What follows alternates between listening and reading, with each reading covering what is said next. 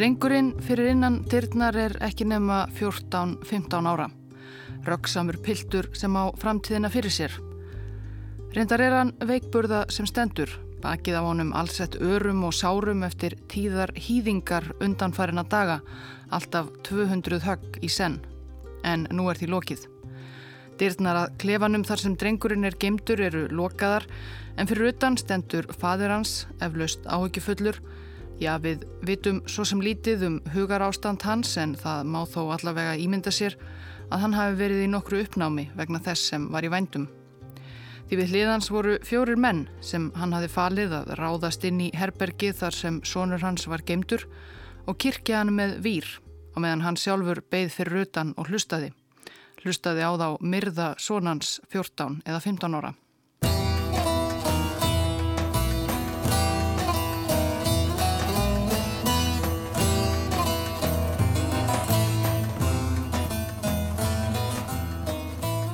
Ágæti hlustandi í ljósi sögunar hefur að undanförnu fjalla nokkuð um langa sögu ottomanveldisins eða Tyrkjaveldis.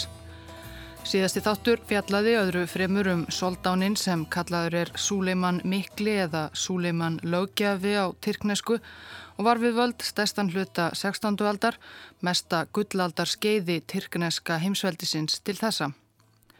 Súlimann var merkilegur maður en ekki síður merkileg var kona hans, Húrrem eða Roxelana, ambátt frá austanverðri Evrópu sem Súlimann tók slíku ástfóstri við að hann fór og svig við allar reglur og hefðir soldánsveldisins og giftist henni, henni einni, hafnaði öðrum konum, heilu kvennabúri og hún sem í krafti einstags sambandsennar og soldánsins og hennar eigin kensku og metnaðar var þein valdamesta og auðugasta manniskenn í hinnu einstaklega karllæga Tyrkjaveldi og um leiðin valdamesta kona heims. Og sem rutti brautina fyrir aðrar konur sem fyldu í fótspór hennar.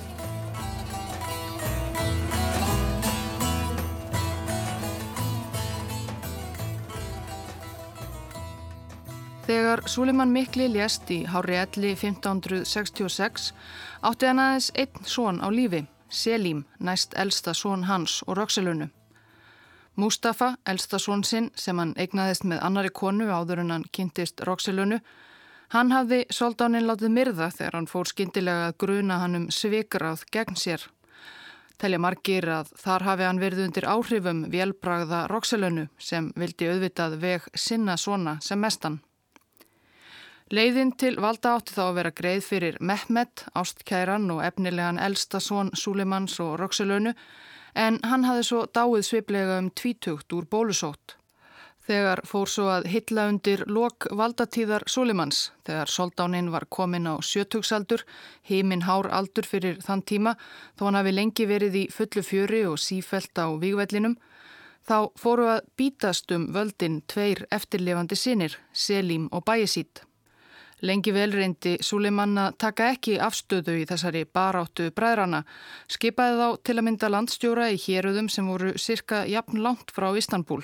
Svo að ef hann rikki skindilega upp af, eru þeir að fara jafn langa leið til höfuborgarinnar. En svo fór bæjesít sá yngri að fara í taugarnar á pappagamla og hann að gruna hann um sviksemi og 1559 veitti soldánin Sveitum Selims hernaðarlega aðstóð í árás á bækistöðvar bæjasíts.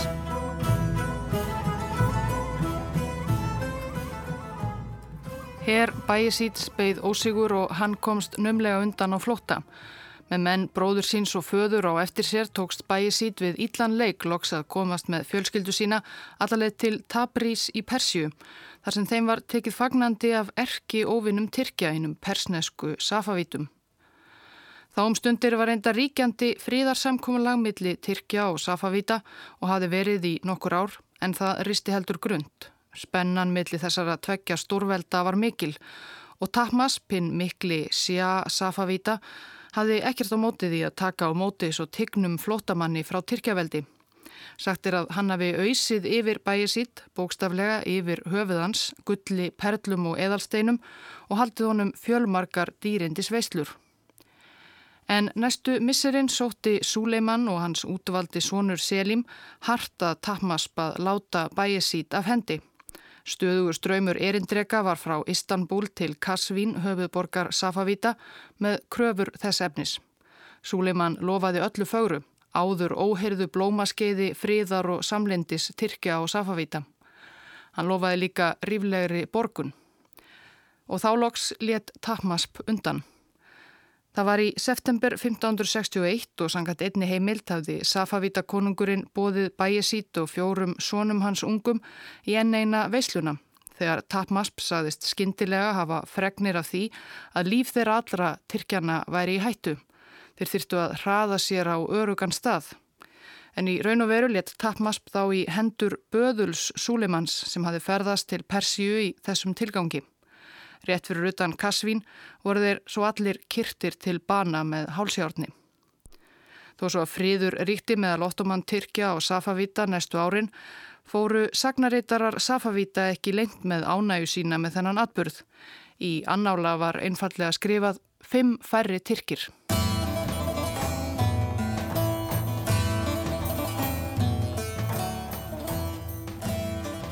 Þó svo að eftir daga Roxelunu hafi hlutur kvenna, allavega ákveðina kvenna, í tyrkneska stjórnkerfinu orði vegameri var hlutur kvenna í tyrkneskri sagnaritun áfram lítill og saga þessara kvenna allra sem hér komaði sögum því almennt þókukent og loðinn. Mikil leint kvildi líka jafnan yfir öllu sem framfór í kvennabúrinu og fátt slapp þaðan út nema kæftasugur. Við teljum okkur vita að Roxelana var frá Úkrænu eða Pólandi upprunalega en hvaðan næsta kona kom sem kifti í strengina í kvennabúrinu vitum við varla nokkuð um með vissum. Lengi var talið að hún hefði verið fenisk og engin venjuleg fenisk stúlka heldur aðalsporin dóttir landstjóra feneinga á eigahafsegjunni Paros og hafi endað í kvennabúri Soldáns eftir að tyrkneski sjóliðsfóringin Hæretin Barbarossa, rauðskekkur, laði undir sig Paros 1537. Þá hafi hún verið áakiska 12 ára. En sakfræðingar telja nú frekar að hún hafi vissulega verið tekin af foreldrum sínum af tyrkneskum innrásarherr 12 ára 1537 en ekki frá Paros heldur grísku eiginni Korfú sem Tyrkir gerðu áranguslösa tilraun til að hrifsa af feneingum þetta sama ár. Til eru heimildir um að Tyrkir hafi þá numið 12 ára gríska stúlku, Kale nokkra Kartanu, á brott af einni á samt sískinum hennar og foreldrum. En hver sem upprunni hennar var þá fekk stúlkan í kvennabúrinu nafnið Núrbanu og þar einhver tíman fekk augastað á henni soldánssonurinn Selim sem var reyndar svo hrifin af henni að hann fetaði í fótspór föður síns 1545 og giftist henni. Þau voru þá bæði um tvítugt, Selim og Núrbanu. Hún fylgdi honum til Manísa og Konja þar sem hann var landstjóri lengi eins og Soldán Sona var síður og eftir þær bræðrabildur sem greint var frá hér áðan, svo 1566 aftur til Istanbul þá sem frú nýja Soldánsins Selims annars.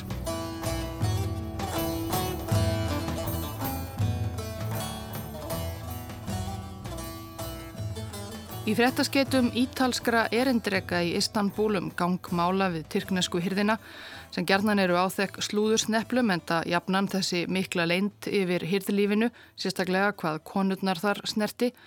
Þar segir einhver staðar að Selim hafi verið kvensamur prins. Engu að síður eignaðist hann engin börn með neinum hjákonum sem hann kann að hafa lagt lagsitt við þessi 20 ár sem hann var prins í Manisa og Konja en kona hans Núrbanu ólónum fjögur börn á þessum tíma, þrjár dætur, Ismihan, Gehervan og Sjá og loks sónin Múrat 1546. Kanski hefur Selim verið eins tryggur konu sinni og fadir hans var tryggur móður hans. Eftir að Selim tók við völdum lísti einn ítalski erindreikin sambandi soldánshjónana svona.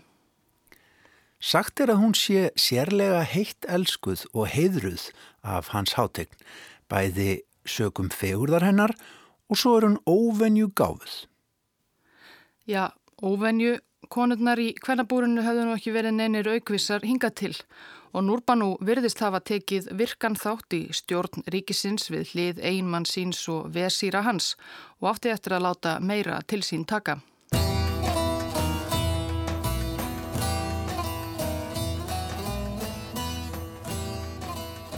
Auk þess að vera saður kvensamur, það var nú ekkit óvinnulegt við þyrknesku hyrðina svo sem, hefur Selim annar í gegnum söguna verið saður hafa verið afar drikkfældur, svo að hann hafi fengið viðunnefnið Selim Bitta og verið drukkin öllum stundum eða við annan ólifnað. Vissulega er til málverk af Selim þar sem hann situr með krosslaðar fætur með vinglas í hendi en aðrar heimildir fyrir þessum staðhæðingum eru afar loðnar og mögulega má rekja þær til óvinna Selims eða Tyrkjaveldis alls. Sögurnar eru þó nokkuð góðar. Ein meint drikkjusaga af Selim sem var í raun og veru helst kallaður Selim ljósherði. Hann var ljós yfirlitum, hafði það frá slavneskri móður sinni er að ástæða þess að hann ákvaðað ráðast með hersínum á miðjararhafs eiguna Kýpur árið 1570 var hversu mjög hann var hrifin af kýpverskum vínum og vildi tryggja að hann hefði nú örglega alltaf nóg af þeim. Raunin er þó svo að Tyrkir hafðu lengi gyrnst kýpur sem var ein af megin eigum miðjarðarhafsins og valdi feneinga sem lefðu sjóræningum að nota eiguna sem bækistöð var til árása og tyrknesk kaupskip og pílagrímaskip á leð til Mekka þrátt fyrir að fríðarsamningur ætti að vera í gildi á milli feneiga og Tyrkjaveldis. Það tók Selim annan þrjú ár að leggja undir sig alla kýpur en 1573 gáfust feineingar upp, sömdu frið og eftirlétu Tyrkjum eiguna.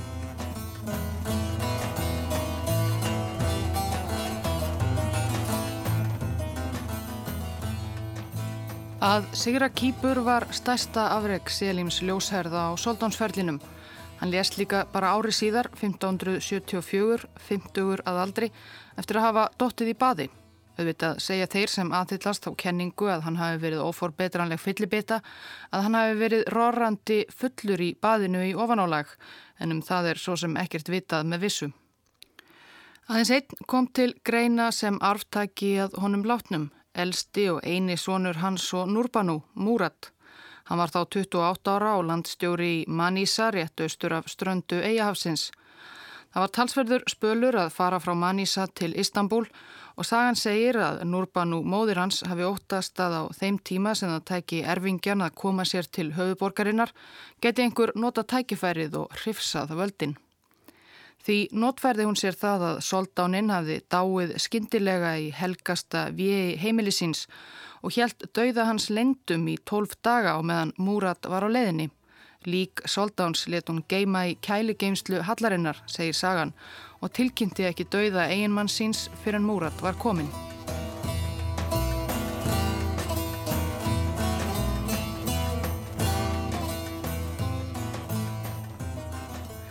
Selim Ljósherði hafði vissulega verið tryggur Núrbanu fyrstu 20 ár hjónabands þeirra eða svo en eftir að hann var orðin soldán tók hann sér hjákonur einnig og eignaðist með þeim fimm síni sem voru enna á barsaldri þegar hann dó. Það fyrsta sem Múrat gerði við komuna til Istanbul var að láta myrða þessa litlu bræður sína. Honum þótti það þó erfitt verk ef markam á þessa frásögn sem læknir Múrat, skýðingur frá Palestínu, skrifaði síðar.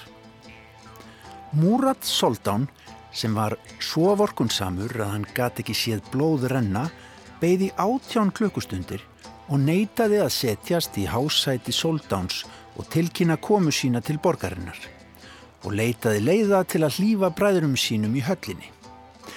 En svo hann myndi ekki brjóta lögríkisins, sendan, grátandi, þá mállösu að kirkja þá og hann gaf leiðtóa þeirra sína eigin vasaklúta til verksins.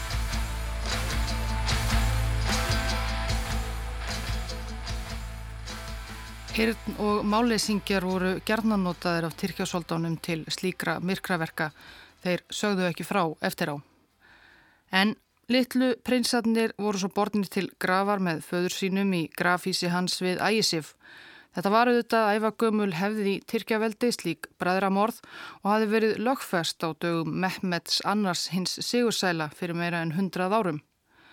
Þó vakti það víst óhug almennings þegar fimm litlar líkistur voru borðnar út úr soldánshöllinni hver á eftir annari, ekki löngu eftir að andlát soldáns var tilkynnt.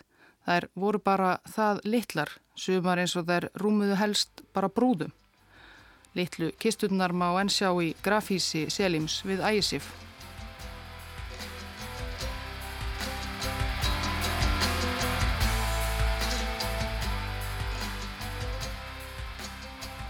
Áhrifamáttur Nurbanu, ekku Selims, dvínaði ekki við lát eiginmannsins.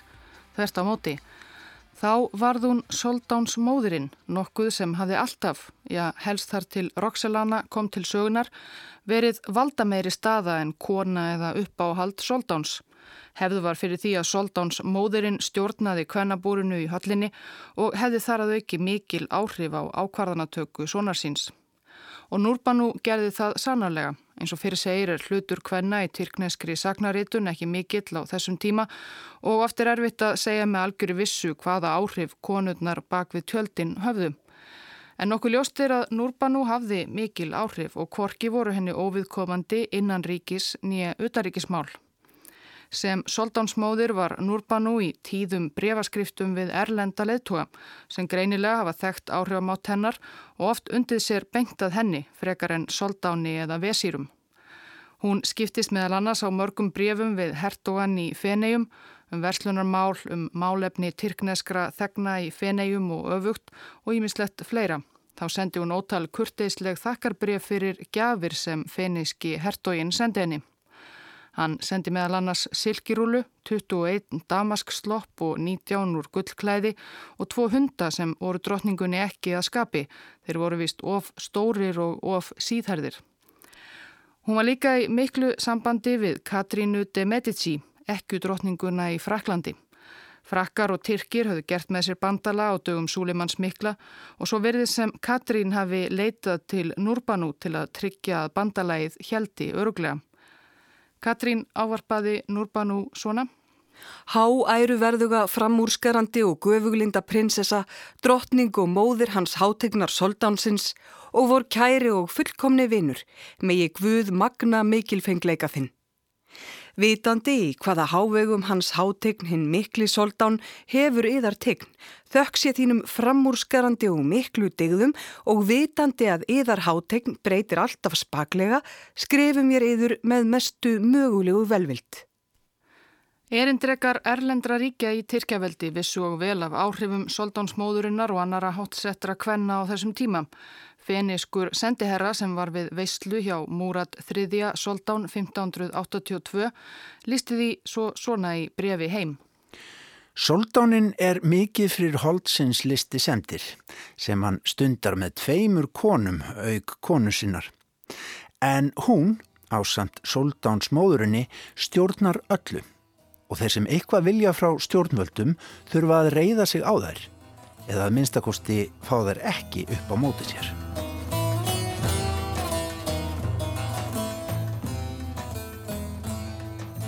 Selim Annar, fadir Múrats þriðja, hefur verið kallaður Kirsetu soldánin þar að hann fyldi aldrei hér sínum í herrferðir eins og fadir hans og forfeyður höfðu ætið gert. Hann vildi frekar hafa það náðugt heima í soldánshöllinni í Istanbul. Múrat sonur hans fyldi dæmi hans og fórvalla út fyrir Istanbul alla sína tíð, varla að hann færi út af hallarsvæðinum. Læknir Múrats áður nefndur Gýðingur lísti dæmigerðum degi í lífi soldánsins svona.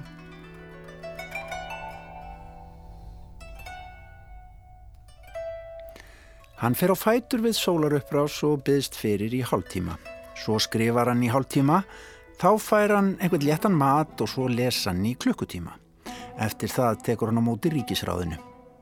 Svo fer hann í göngutúr í gardinum, nýtur gósbrunana og dýrana og tekur með sér dverga og trúða sér til skemmtunar. Svo fer hann aftur og les þar til honum þóknast að fá hátdeisverð. Hann situr aðeins hálf tíma við matarborðið og fer svo aftur í gardin, eins lengi og honum sínist. Síðan byður hann miðdeisbænir. Eftir það drefur hann tíman og skemmtir sér með konunum í eina eða tvær klukkustundir fram að kvöldbænum. Þá fer hann aftur í hýbili sín eða þóknistónum það heldur í gardin þar sem hann dvelur við lestur og skemmtanir með dvergunum og trúðunum. Svo borðar hann og hann tekur sér meiri tíma við kvöldverð en hádegisverðin. Spjallar í tvær klukkustundir eftir myrkur. Allt þetta gerir hann á hverjum degi. Enga síður stóð Múradínær linnulösum stríðum á valdatíðsinni. Í vestri áttu Tyrkir í stöðugum skærum við Habsborgara um yfirráð á Balkanskaganum og í austri rauf Múrat 1578 friðarsamningin við Safavítana í Persíu, þessa gömlu ofinni, og hóf með því stríð sem stóð meira á minna í 12 ár og endaði með því að Tyrkir lögðu undir sig stóran hluta Kákasusfjalla. Múrat stóð líka í ímsu vafstri í Norður Afríku sem Tyrkir hafðu þá lagt undir sig að hluta og gerði áranguslösa tilraun til að leggja undir sig Marokko sem þá var sjálfstætt. Eða líklega voru það vesýrar Múrats og ef til vil konur við hyrðina sem í raun tóku ákvarðanir um þetta hernaðar brölt allt því hann virðist hafa haft lítinn áhuga á slíkum málum. Sérstaklega þegar leið á soldánstíð hans fekk Múrat sífælt meiri áhuga á súfisma og ímiskonar dulspeki og í mörg ár var hann undir gríðarlegum áhrifum gardirkjumanns nokkurs sem hann taldi geta ráðið drauma sína öðrum fremur og eins og hann játaði eitt sinn í brefi til gardirkjumannsins. Ég vildi óska þess að Guð, dýrð sé honum, hefði ekki skapað þennan arma þrælsinn sem afkomanda ótómana. Svo að ég þyrti ekki að hlusta á þetta allt saman og þyrti ekki að hafa áhyggjur. Ég vildi óska þess að ég væri af óþægtum ættum.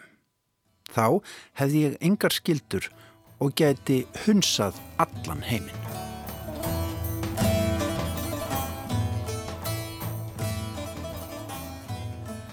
Líkt og fadur hans og afi átti Múrat þriðji sína uppáhalskonu í kvennabúrinum og hitt Safie og var líklegast ættuð úr hálendi Albaníu þó eins og alltaf sé lítið um hana vitað. Óvist er og hvort að Múrat hafi gengið svo langt að giftast henni en hún var óumdeilanlega konan í lífi hans og hún er hinn valdamesta kona hirðarinnar sem feniski sendiðeran myndist á hér áðan. Með Safie eignaðist Múrat tvo síni á meðan hann var enn prins en annar dó ungur. Svo eruðu börnin ekki fleiri svo að eldstisónurinn Mehmet prins var sjálfsagður aftaki. En sagan segir að þegar nokkuð var liðið á soldánstíð Múrats um 1580 eða svo hafi mamma gamla, Núrbanu, farið að hafa áhyggjur. Hvað ef eitthvað kæmi fyrir prinsinn? Hvað er þið þá um soldánsveldið og um ættina? Sagt er að hún hafi þá sakað tengdadóttur sína Safi um að hafa lagt álög á soldánin, gert hann getulöysan til að tryggja þannig framgang hennar eina sonar. Núrbanú leti kjölfærið stinga nokkrum þjónum Safi í fangelsi og pinta þá. Svo leti hún lækni sinn matla seið sem átti að aflétta álögunum og færa síni sínum svo nokkrar frambærilegar megar. Og jú, álögunum virtist þá létt. Því hvað svo sem er hæft í þessu öllu saman er ljóstað þarna upp úr 1580 hófst allavega mikið frjósemis eða stóðlífis skeið í lífi Múrats þriðja sem þá varum færtugt. Á örfáum árum fættu konur í kvennabúrinu honum meira en 40 börn, þar af minnstakosti 21 són.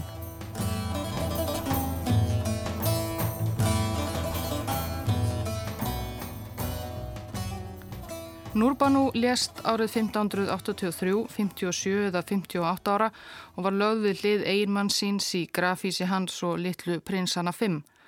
Múrat þriði Soldán, sonur þeirra, lést 1595 eftir 20 ára á Soldánsstóli, 48 ára af náttúrulegum orsökum. Mehmet, elsti sonur Soldánsins og Safie, var þá tæplega þrítugur, landstjóri í Manísa eins og svo margir forfeður hans og augljós arftæki krúnunar. Hann haskaði sér til Istanbul til að taka við titlinum sem Mehmet III en það var eitt örlítið vandamál. Jú, öll sískininn sem fadir hans hafi allt í einu farið að geta með hjákonum sínum á efri árum. Mehmet átti þá 19 bræður. Sá elsti hefur kannski verið 11 ára, ekki mikið eldri. Hvað átti nýr soldán að gera annað en að kalla á þá málausum? Þeir segja það sá elsti, Mahmúd, fallegur og velvaksinn piltur, dáður af öllum, hafi kist hönd soldánsins og sagt Herra minn og bróðir, þú sem nú ert mér sem fadir, sviftu mig ekki lífinu nú. Ég er enn svo ungur að árum. Soldánin reytti skegg sitt og virtist sorgmætur en svaraði engum. Allir voru þeir kirtir, allir nítjón.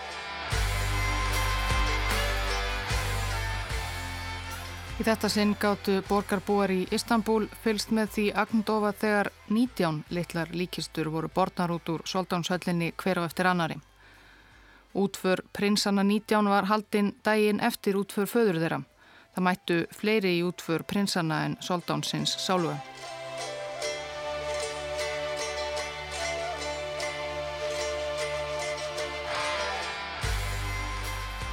En nú var það albanska hálendismærin Safie sem fekk inn að valda miklu stöðu soldánsmóður og nýtti hún það ekki síður en forveri hennar Núrbanu.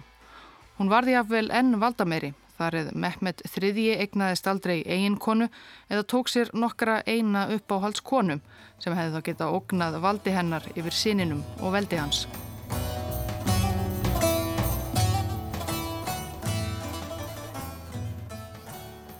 Mehmet hafi verið þrótt mikill sem ungur prins, sagtir að eina af ástæðum þess að fadir hans Múrat fór varla út úr soldánshöllinni síðustu ár æfisinnar, hafi verið ótti við að elsti sonurinn byrtist skindilega og stifti honum á stóli.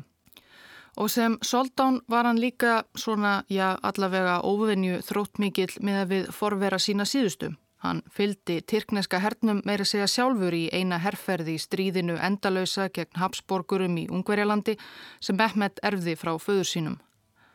Tyrkjasoldan hafði þá ekki leitt hersinn í eigin personu í 30 ár. Herrferðin var vel hefnuð, Tyrkir sigruðu mikilvægt ungverst virki og Mehmet snýri aftur sigri rósandi. Sitt sínist hverjum af hverju hann fór af stað fyrir það fyrsta. Einn kenning er að herrmenn hafi lagt svo hart að honum að koma með. Mísjamt gengi Tyrkneska hersins síðustu ár kendu þeir um soldáns leysinu í stafni. Önnur kenning er að Mehmet hafi viljað rýfa sig frá móður sinni Safie og taka eigin ákvarðanir. En hún vildi alls ekki sjá svon sinn leggja lífsitt í hættu með svo beitni þáttöku í hernaði.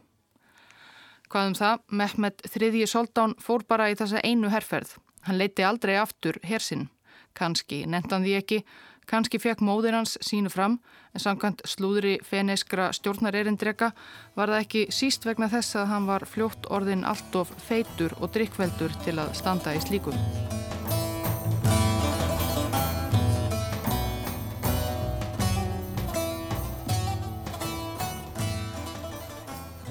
Ég er alltaf að brína fyrir sinni mínum að breyta samkvæmt samningnum. Ég vanræki ekki að ræða það við hann. Bref frá Safíi Soldónsmóður. Ef Guð lofar, hryggir þetta þig ekki. Megir þú alltaf vera vissum vináttu okkar, ef Guð lofar, megir vináttu okkar aldrei deyja. Þú sendir mér vagn og ég tek honum með gleði og ég hef sendt þér slopp, mittislindi, tvö stór gull útsaumuð baðhandklæði, þrjá vasaklúta og rúbín og perlu kórunu. Vona þú fyrirgifir mér. Hvað þetta eru ómerkilegar gjafir? Viðtakandi brefsins og þessa ómerkilegu gjafa var Elisabeth I. Englandsdrótning. Líkt og Katrín de Medici í Fraklandi hafði hún vikið sér beintað kynsistur sinni, móður Tyrkjasoldans, þegar hún vildi tryggja áfram ágætt samband Englands og Tyrkjaveldis. Samninga þá er soldansmóðurinn segist ætla að sjá til að sonur hennar haldi. Kanski alveg ástæða fyrir því að Safie afsaki gafinnar. Hún hafi fengið frá Elisabetu með ennsku skipi glæsilega skreittan hestvagn og svonur hennar soldánin hafi fengið heilt orgel með dansandi svart þrastar stittum sem sungu í takt við tónlistina. Ennskur orgelsmíðameistari var sendur með til Istanbul til að koma því saman og stilla það og vakti það sögnum mikla káttínu í kvennabúrinu Því miður hefur þessi listasmíð ekki varðveist. Svonur Soldáns mun hafa eidilagt það í bræðiskasti. En þar Safíi og Elisabeth áttu lengi á gætt sambandi gegnum brefaskriftir og gjafir. Eitt sinn sendi Elisabeth Safíi demant skreitta mynd af sjálfur sér og svo Tyrkneska varð svo ánægð að hún skrifaði síðar og vildi fá aðra mynd. Í staðin fekk Elisabeth Tyrkneskan skrautbúning.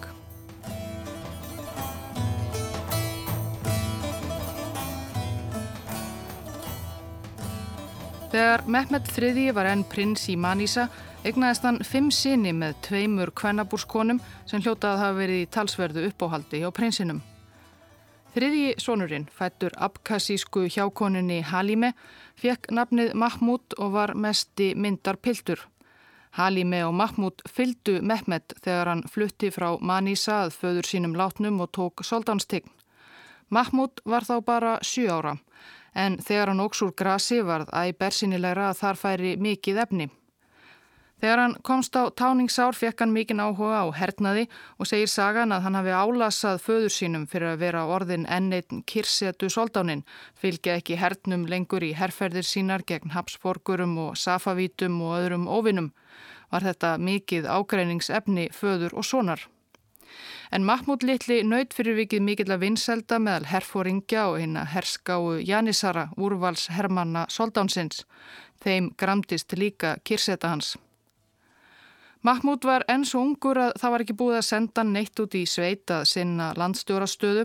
Hann átti enga undirmenn og engan herr, en engu að síður komust þær sögur á kreik á endanum við hyrðina að soldáninum stæði ókn af sinni sínum, 13 eða 14 ára gamlum. Engverir væri að plotta um að steipa soldáninum og setja Mahmúd á valdastól, jável myrða soldánin var pískrað í myrkvuðum hallargöngum. Safíi Soldánsmóðurinni var svo víst mjög í nöp við barnabart sitt Mahmúd og móður hans hinna abkassísku Halime. En Halime, skiljanlega áhyggjufull yfir þessu öllu, ákvaða senda skeiti til spámans nokkurs og spyrja um hver framtíð hennar frambærilega sonar eiginlega erði.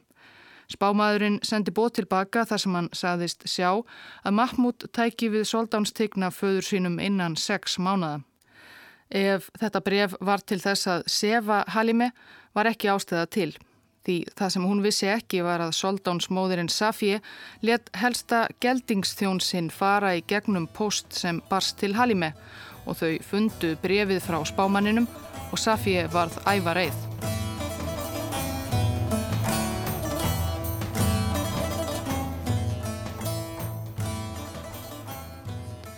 Soldánsmóðurinn áttaði sig á því að þetta væri landráðstilrun og let svonsinn Soldánin vita sem kallaði svonsinn og yfirherði hann. Hér er það ennskur erindreki sem greinir yfirbóðurum sínum frá nýjasta slúðrunu í Istanbul, ekki feneingur aldrei þessu vant. En Matbút kannadist ekki við gjörðir móður sinnar. Síðan var hann lagður niður og barinn á fæturna og magan eins og Tyrkir gera til að knýja fram játningar. Og honum var stungið í fangelsi og tveimur dögum síðar var hann barinn aftur. Alltaf 200 högg og engu náðu þeir upprónum. Síðan skrifaði sá enski var Mahmúd Littli þarna á að giska 14 eða 15 ára kyrtur af fjórum máleysingum föðursins. Pappin láfið hlustir fyrir utan lokað herbergið og meðan morðingjarnir luku sér af, kom svo inn til að sjá hvort drengurinn væri ekki öruglega döður.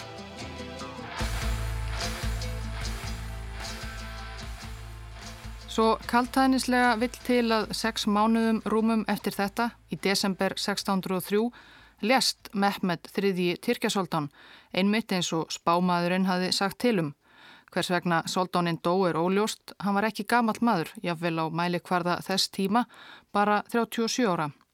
Heila blóðfallir einn tilagan eða pláan sem leik Tyrki grátt, en svo er líka sagt að hann hafi eftir að hafa látið myrða efnilegasta svon sinn Mahmúd séð að sér og dáið úr sorg. En hann hafði auðvitað áður látið myrða 19 barnunga bræður sína, svo kannski hann hefði nú átt að þóla þetta.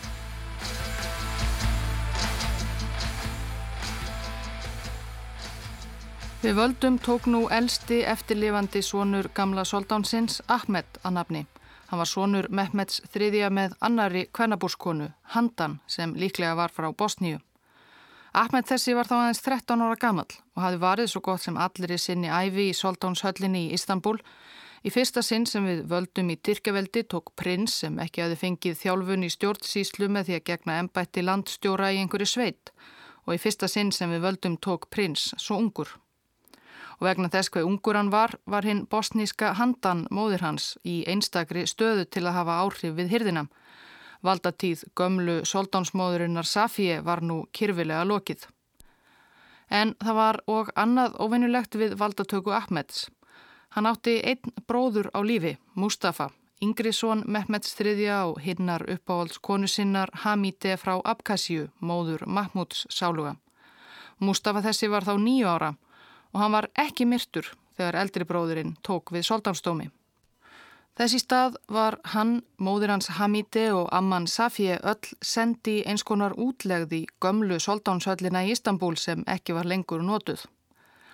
Hafa fræðimenn síðar leitt líkum að því að lífi Mustafa hafi verið þyrmt vegna þess að nýji soldánin Ahmed var þrátt fyrir allt bara 13 ára. Ekki enn ljóst þannig hvort hann gæti getið börn og væri færum að halda soldánsættinni gangandi. Því væri best að geima Mustafa litla á hliðarlínunni til öryggis. Hver sem aðinni stóð átti þetta eftir að reynast örlagarík ákverðun.